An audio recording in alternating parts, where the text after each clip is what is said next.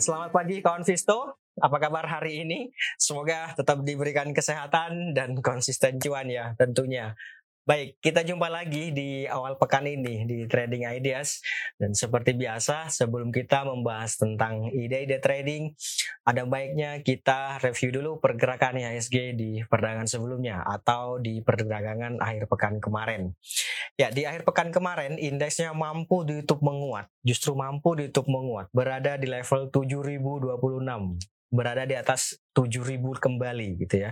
Kalau secara poin indeksnya menguat sebanyak 142 poin. Ini banyak banget. Ini banyak banget. Kalau secara persentase indeksnya menguat 2,07 persen banyak banget lah pokoknya. Biasanya sih kalau terjadi kalau di atas satu persen penguatannya ada potensi untuk mengalami uh, konsolidasi atau ya koreksi sedikit lah gitu ya. Tapi bagaimana coba nanti kita lihat uh, apa namanya outlooknya. Yang jelas di perdagangan akhir pekan kemarin sejak awal perdagangan indeksnya sudah mengalami dorongan beli yang cukup kuat. Itu sampai bertahan di akhir sesi pertama.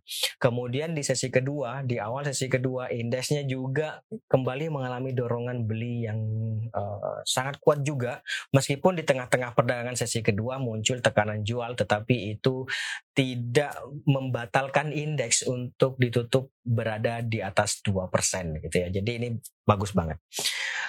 Kemudian dari uh, penguatan indeks itu sebenarnya saham-saham apa saja sih yang membawa indeks menguat.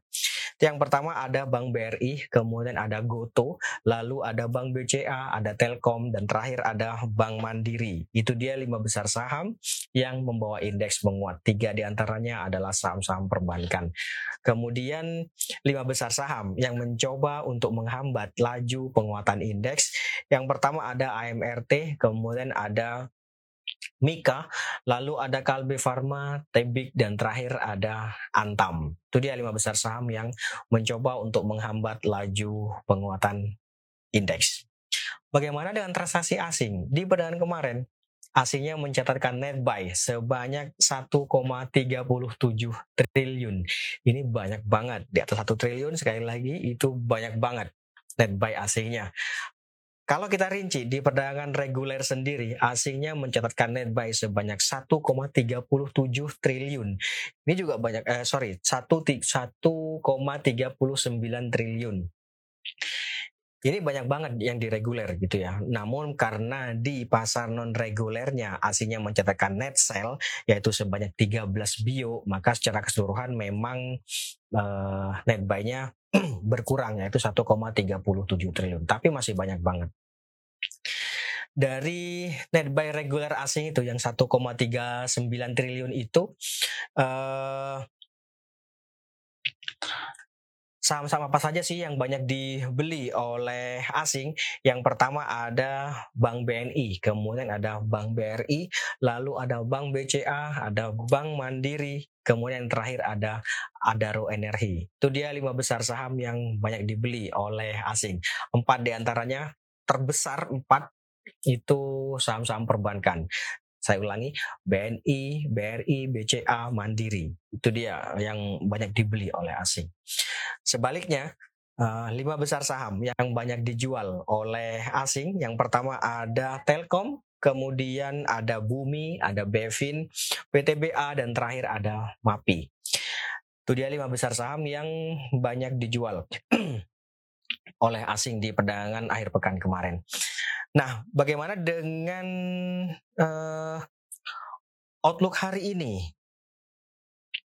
Coba kita lihat. ini dia.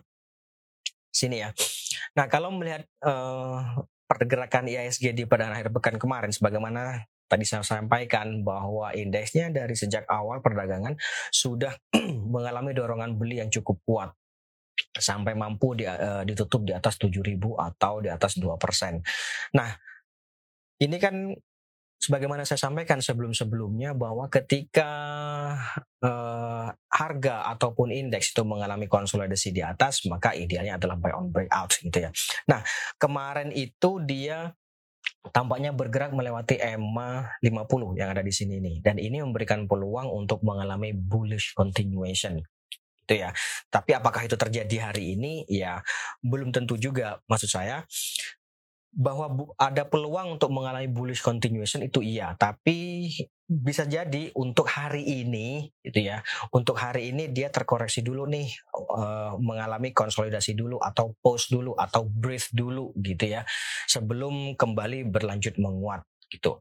Tapi kalau misalnya uh, sepanjang hari ini masih mampu bertahan di atas uh, 69 6945 saya pikir masih ada peluang untuk uh, bergerak menguat. Makanya untuk hari ini diperkirakan indeksnya akan kembali bergerak fluktuatif dengan kecenderungan masih menguat terbatas. Bisa saja di awal dibuka melemah, tetapi seiring dengan perjalanannya waktu, pelemahannya bisa semakin menipis atau bahkan berada di teritori uh, positif. Gitu ya. Ring pergerakan diperkirakan antara 6945 sampai dengan 7100. Oke, kemudian sekarang ide trading. Ide trading yang pertama ada ada Bentar, saya lihat dulu. Tower. Ya, ini dia tower. Sebentar saya coba besarkan. Oh. Nah, gini ya. Nah, ini lumayan nih. Ya, kalau melihat pergerakan harga di perdagangan sebelumnya, ini dia, ini bisa dibilang ya kita gini ya. Ini bisa dibilang uh, bullish engulfing meskipun tidak sempurna gitu ya. Tetapi yang jelas long white Morobozu yang terbentuk atau white Morobozu yang terbentuk itu menunjukkan uh, dorongan beli yang cukup kuat. Artinya masih ada peluang untuk melanjutkan penguatannya. Terlebih lagi kalau kita lihat di sini stokastiknya juga mengalami bullish crossover. Jadi bisa juga ini dipertimbangkan untuk spekulatif buy. Atau uh, saya lebih sukanya buy low sell high. Kalau buy low sell high menurut saya sih boleh dipertimbangkan di 930 sampai dengan 955 atau 950. Boleh di level-level itu. Tapi sebenarnya spekulatif buy pun sudah boleh. Artinya kalau spekulatif buy di 950 sampai dengan 965 juga boleh gitu ya. Nanti target take profitnya di berapa? Kalau dapat harga 950, saya pikir 985 sih harusnya sih sudah cukup. Ya nggak sih? Cukup lah ya atau di atasnya ya seribu lah gitu ya seribu itu cukup ideal sih untuk take profit untuk main jangka pendek ya tuh mainnya deket-deket aja dulu gitu Oke, itu nanti stop lossnya kalau harga kalau dapat harga di 950 ya stop lossnya di bawah 930. Tapi kalau dapat harga di 930 ya di di bawah 900 lah gitu. Oke, itu untuk tower kawan. Kemudian berikutnya ada lagi Pegas. Nah, ini dia Pegas. Sebentar, saya weekly dulu ya. Oh. oh, daily dulu. Nah, ini dia Pegasnya ya. Kemarin memang mampu ditutup menguat, tapi tipis, yaitu hanya satu poin dan saya pikir penguatannya sudah mulai terbatas tapi masih ada peluang. Bisa saja sih sebenarnya ini trading buy. Targetnya 1850. Jadi kalau misalnya 1850 itu masih dinilai layak dan logis, saya pikir bisa dipertimbangkan untuk trading buy. Tapi bagi yang sudah punya uh, ya uh, bisa dipertimbangkan take profit di level itu atau di 1810 cukup nggak? Harusnya sih cukup ya bisa juga dipertimbangkan untuk tetapkan uh, trailing stop karena sudah selama tiga hari terakhir ini dia mengalami uh, apa penguatan yang cukup tinggi gitu ya. Kalau misalnya nih punya di harga 1.700 misalnya, ya nggak ada salahnya sih kalau uh, 1810 take profit. Benar nggak? 1810, 1850 itu resistance level terdekatnya. Kalau mau tetapkan trailing stop bisa di 1725 di bawah situ. Trailing stopnya atau di bawah 1750 sih paling dekat gitu ya.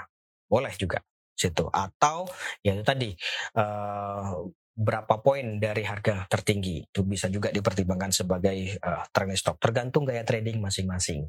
Karena masing-masing orang bisa saja berbeda. Oke. Itu untuk Pegas Kemudian berikutnya ada lagi do it. Do it. Ya, Doit ini kemarin sudah ada uh, perlawanan, ya, sudah tidak ARB lagi, benar nggak sih? Nah, tapi menurut saya masih kurang kuat gitu ya. Artinya tekanan jual masih cukup mendominasi. Jadi menurut saya kalaupun tertarik dengan Doit boleh saja dipertimbangkan buy on breakout di atas 464. Ya. Atau ya di atas 464 di atas 464 boleh dipertimbangkan untuk speculative buy. Kalau misalnya hari ini dia bergerak menguat di atas 464, bisa coba dipertimbangkan speculative buy, nanti targetnya di 476. Cukup nggak? Di atasnya ya di sini kawan. Ini ada berapa ini? 498 atau ya 500 lah gitu ya. Kan cuma satu poin lagi 500. 47 476 kemudian 500 lah gitu ya. Tuh buy on breakout di atas 464. Tuh. Oke, itu untuk doit. Bener sih kalau secara uh, teori gitu ya. Ini kan candlenya membentuk inverted hammer, berarti kan ada peluang untuk rebound. Tapi jangan salah, inverted hammer ini kan munculnya setelah ARB berkali-kali gitu ya. Saya khawatirnya tekanan jual ini masih cukup mendominasi hari ini. Makanya idealnya menurut saya uh, buy on breakout saja, jangan spekulatif buy. Itu. Oke, itu untuk do it. Kemudian berikutnya ada lagi Sido. Ya, Sido ini kurang lebih uh, sama dengan apa tadi ya, yang konsolidasi di atas. Tapi ya ini bisa dibilang uh, kalau pergerakan untuk jangka pendek ya ini benar konsolidasi di atas maka idealnya adalah buy on breakout di atas ini kawan ini berapa nih di atas 970. Jadi kalau misalnya hari ini dia bergerak menguat atau bertahan di atas 970, bergerak menguat melewati 970 dan bertahan di atas level itu, maka boleh dipertimbangkan untuk trading buy atau speculative buy. Yang jelas sampai dengan saat ini sih dia masih mencoba untuk bertahan di atas EMA 50 dan itu memberikan peluang untuk kembali bergerak menguat. Hanya saja memang uh, stokastiknya yang cenderung melemah ini akan mencoba untuk menghambat laju penguatan harga. Makanya ada baiknya dipertimbangkan untuk buy on breakout saja. Di atas 970 nanti target take profitnya bisa 995. Harusnya sih cukup. 995 atau 1020. 995 kemudian di atasnya ada 1020 gitu. Kalau lebih suka buy low sell high, maka bisa juga dipertimbangkan 940 di situ. 940, 930 sampai 940 lah di level-level itu. Oke, itu untuk Sido. Kemudian kita lanjut. Ada Asa. Sorry. Ya, Asa di perdana kemarin juga mampu ditutup menguat Nih, tampaknya harga mencoba untuk bergerak di atas EMA 20 atau di atas 2240 dan saya pikir ini masih memberikan peluang untuk berlanjut. Jadi ini bisa saja juga dipertimbangkan untuk trading buy karena memang uh, resistance levelnya kan ada di sini nih 2400 sampai 2440. Nih 2440 yang yang biru ini kawan. Cukup ideal sih untuk melakukan take profit di situ. Nah, karena sudah terbatas itu atau potensial returnnya lebih kecil dibandingkan dengan potensial risknya, maka trading buy, itu ya. Kalau melihat ini apa namanya uh, indikasi golden cross di MACD ini, saya pikir masih ada peluang sih untuk bergerak menguat ke depannya, gitu ya. Bahkan uh, tidak untuk kemungkinan bisa di atas 2600 atau 2800 tetapi nggak usah jauh-jauh dulu deh mainnya mainnya deket aja dulu. 2400 2440 cukup sih untuk lakukan take profit. Gitu ya. Nanti kalau naik di atas 2440 stabil uh, oke okay, di atas itu volumenya mendukung ya ikutan lagi nanti. Gitu ya. Oke okay, itu untuk asa. Stop lossnya nanti kalau harga melemah di bawah 2170 boleh dipertimbangkan untuk uh, stop loss Kemudian berikutnya ada lagi SCMA. SCMA. Nah, ini menarik juga sih SCMA ini ya. Ini bisa dibilang coba saya besarkan ya. Nah, ini dia. Ini kan ini bisa dibilang bullish harami. Itu ya. Bullish harami. Nah, biasanya kan kalau terjadi bullish harami itu ada peluang untuk mengalami reversal gitu ya, untuk jangka pendek. Tuh. Nah, jadi saya pikir ini bisa saja kalau misalnya nih hari ini dia dibuka melemah kemudian mampu bergerak menguat sampai di atas closing kemarin boleh saja dipertimbangkan untuk uh, spekulatif buy atau trading buy. Nah, targetnya di 226 paling deket. Barangkali kemarin sudah ada yang ikutan. Bisa juga dipertimbangkan untuk uh, misalnya kemarin dapat harga di 216. 226 cukup nggak untuk take profit gitu ya. Nah, kalau cukup idealnya untuk take profit di sini nih. Nah, nih, uh, sebentar sini dah. Ini berapa nih? 2 3 2 3 4. 2 3 4. Cukup menarik. Ini juga nih kalau melihat uh, stokastik yang mengalami bullish crossover, saya pikir ada peluang sih untuk bergerak menguat. Tetapi memang ini trennya kan masih melemah. Jadi makanya sekali lagi mainnya nggak usah jauh-jauh dulu. itu ya bisa saja ini spekulatif buy atau trading buy di dua misalnya nih 216 sampai 220 uh, apa namanya spekulatif buy di level itu. Kalau dapat harga 216, 226 saya pikir cukup sih untuk take profit. Cukup ya. Kemudian di atasnya yaitu tadi 230 bahkan udah uh, oke okay sih. Dapat harga di 220, jual di 230 itu sudah cukup sih. Uh, sudah untung yang jelas gitu ya. Oke, itu SCMA. Kemudian berikutnya ada ISSP, ISSP. Oke. nah, ini dia ISSP. Ya, kalau melihat pergerakan harga di perdagangan kemarin ini kan sempat juga uji resist yang ada di uh, sebentar berapa ini?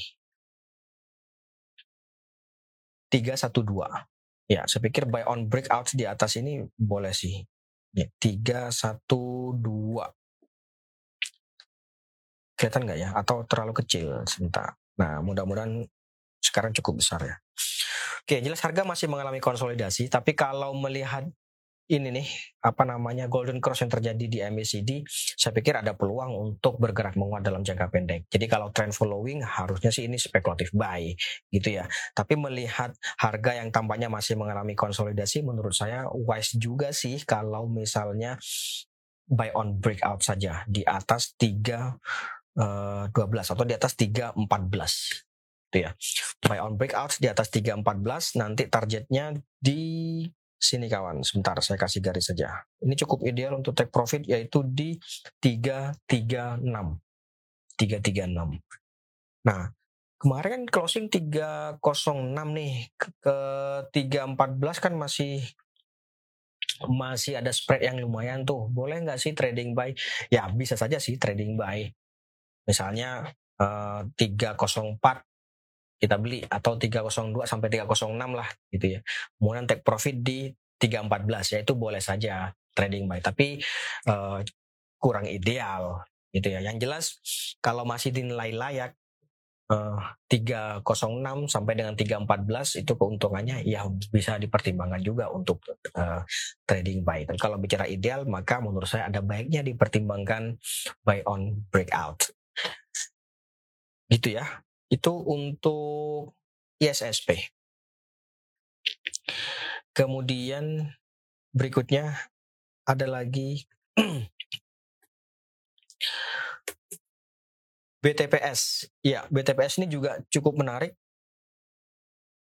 Nih. Nah, gini deh ya. Ini kan kemarin bullish harami. Kalau melihat ini kan bullish harami nih, ya kan? Dan uh, bullish crossover juga terjadi di stokastik. Jadi ada dua nih yang bisa dipertimbangkan. Yang pertama adalah buy on breakout di atas 2950. Betul. Di atas 2950 buy on breakout di atas itu atau kalau melihat bullish harami dan bullish crossover maka spekulatif buy pun juga boleh gitu ya. Misalnya nih dapat harga di misalnya kita spekulatif buy, dapat harga di 2940 uh, take profitnya di berapa? Take profitnya 3030 boleh sih dipertimbangkan take profit. Uh, untung sih yang jelas. Masalahnya cukup atau enggak gitu aja. 3030 kemudian di atasnya ada sini kawan 3110 saya pikir sih kalau 3110 uh, harusnya sih cukup ya untuk take profit gitu ya jangan jangan jangan greedy gitu oke okay. Itu untuk BTPS oke okay sih boleh juga ini BTPS BTPS kemudian kita lanjut ya kita lanjut dulu ada MPPA MPPA. Ini dia MPPA. Ya, MPPA cukup menarik juga. Kalau melihat Golden Cross nih, ya kan Golden Cross ya. Coba kita lihat. Nih, Golden Cross ya.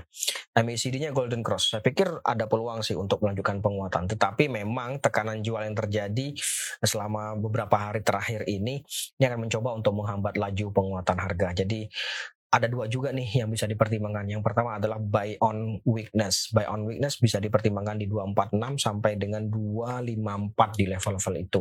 Atau ya spekulatif buy 256, 262 gitu uh, boleh juga. Gitu ya. Kalau bicara ideal maka buy on weakness. Nanti target take profitnya di berapa? Di 284 di atasnya ada 314.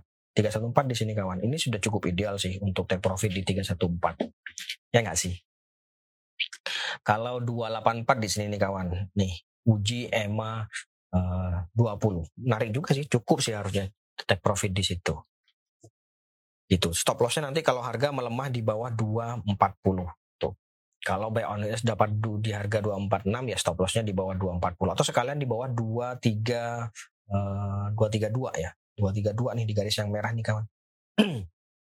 gitu. Oke, itu untuk MPPA. Kemudian berikutnya ada ada mineral, ADMR. Ya, ini dia ADMR yang jelas sampai dengan saat ini dia masih mengalami konsolidasi, maka barangkali sudah punya kemarin, ada yang ikutan take profitnya di sini kawan. 2520. Kalau enggak karena ini konsolidasi konsolidasinya relatif di bawah gitu ya. Jadi bisa juga buy on weakness 2310. Jadi dia konsolidasinya itu di level-level sini kawan. Sebentar saya kasih garis saja. Nih. Nah, di sini ini 23 eh, 2270, di atasnya 2520. Konsolidasinya konsolidasinya di situ selama dua pekan terakhir ini. Maka kalau bicara ideal, idealnya adalah buy on weakness di uh, support ini. Kalau banyak orang juga bilang buy on support gitu ya. Buy on weakness di 2270 sampai dengan 2300. Itu kondisi idealnya atau idealnya. Tapi kalau uh, misalnya nih hari ini bergerak menguat dia sampai di atas 2 390 atau di atas 2400 uh, boleh nggak trading buy boleh sih ikutan menurut saya sih jadi nanti target take profitnya paling dekat 2460 kemudian di atasnya itu tadi 25 20. Gitu ya. Oke, itu untuk ADMR. Kemudian berikutnya Arto. Ya, Arto juga cukup menarik. Tampaknya harga kemarin sebentar. Uh, sebentar, saya cek dulu. Mencoba untuk bergerak di atas 9800 nih dia nih buy on break ah kok 9800 8900 8900. Jadi saya pikir boleh juga sih dipertimbangkan untuk buy on breakout di atas uh, eh, 8900 di sini. Kalau bicara kondisi ideal, ini kan uh, kemarin sempat uji support yang ada di sini nih, 7 ribuan ya. 7000 sampai 7100 lah atau 7075 hanya saja belum mampu untuk melewatinya dan tampaknya ada peluang untuk mengalami uh, rebound sejenak. Apakah nanti ini menjadi reversal kita belum tahu sampai dengan saat ini belum tahu. Yang jelas ada peluang sih ke sana karena dia kan sudah membentuk lower high nih. Cukup menarik ya. Cukup menarik. Makanya boleh juga ini buy on breakout di atas 8900 nanti target take profitnya kalau dapat harga di 8900 boleh dipertimbangkan di 9400 cukup sih harusnya. Di atasnya ada 97 uh, eh, sorry. 9400 kemudian di atasnya ada 10 100 9400 9700 10 100 di level-level itulah ininya uh, take profitnya. Boleh dipertimbangkan di situ. Oke cukup menarik ini Arto. Itu untuk Arto. Kita lanjut. Ada Wirk. Ya WIRD kemarin kembali ditutup melemah dan tampaknya belum mampu juga untuk bergerak di atas uh, 9 berapa ini? Sebentar, 9.30. Ya. 9.30 maka kalau bicara ideal, ini idealnya buy on breakout di atas 930. Kalau lebih suka buy low sell high, ya bisa saja sih ditunggu di 750 sini. Tapi kalau menurut saya, kalau sampai ke 750 sini, saya khawatirnya malah ada potensi untuk melanjutkan uh, pelemahannya atau seperti bearish continuation gitulah ya. Nah kalau ternyata dia uh, apa namanya breakout di atas 9.30 maka kan ada peluang dia apa sebenarnya melanjutkan tren yang terjadi selama kurang lebih dua bulan terakhir inilah gitu ya. Jadi kayak kayak gini nih. Nah kurang lebih kayak gitu. Itu ya. Oke itu untuk work kemudian berikutnya ada lagi BBYB BBYB, ya BBYB juga sama buy on breakout di atas 14 uh, 25. Boleh dipertimbangkan buy on breakout di atas 14.25 nanti ter take profitnya di 1.500 nih di sini kawan. Cukup sih harusnya. Dapat harga di atas uh, 14.25 uh, take profit 1.500 cukup nggak? Cukup sih ya. Oke, itu untuk BBYB. Bird. Kita lanjut Bird. Uh, Bird kemarin dia penguatannya cukup signifikan ya. Hari ini saya khawatirnya kalau terjadi penguatan seperti ini dia biasanya kan mengalami uh, koreksi gitu ya. Bagi yang sudah punya nih kemarin jual pagi deh. Mending jual pagi sih kalau menurut saya. Uh, bisa saja pasang jual di 1470 misalnya di level-level itu. Oke, bagi yang belum punya, saya pikir coba deh uh, lihat-lihat dulu deh, lihat-lihat dulu aja. Saya khawatirnya mengalami koreksi hari ini. Oke, itu untuk bird. Kemudian kita lanjut ada BC. Ya, ini dia BC. Nah, sebenarnya ini kalau misalnya hari ini dia mengalami pause lagi, mending buy on weakness. Kayak gini nih, ini penguatan ya, tinggi kemudian dia pause hari ini kalau dia mengalami misalnya nih dia dibuka melemah di bawah 1895 atau di bawah 19 deh di bawah 1900 mending uh, tunggu di bawah lagi. Atau misalnya dibuka di 1900 kemudian dia bergerak menguat sampai di atas 1925 bisa juga dipertimbangkan untuk speculative buy atau trading buy. Itu ya Oke, saya pikir itu dulu kawan Visto untuk hari ini. Terima kasih atas kehadiran dan partisipasinya. Mohon maaf juga jika ada salah kata. Tetap jaga kesehatan. Sekali lagi terima kasih. Salam investasiku for better tomorrow.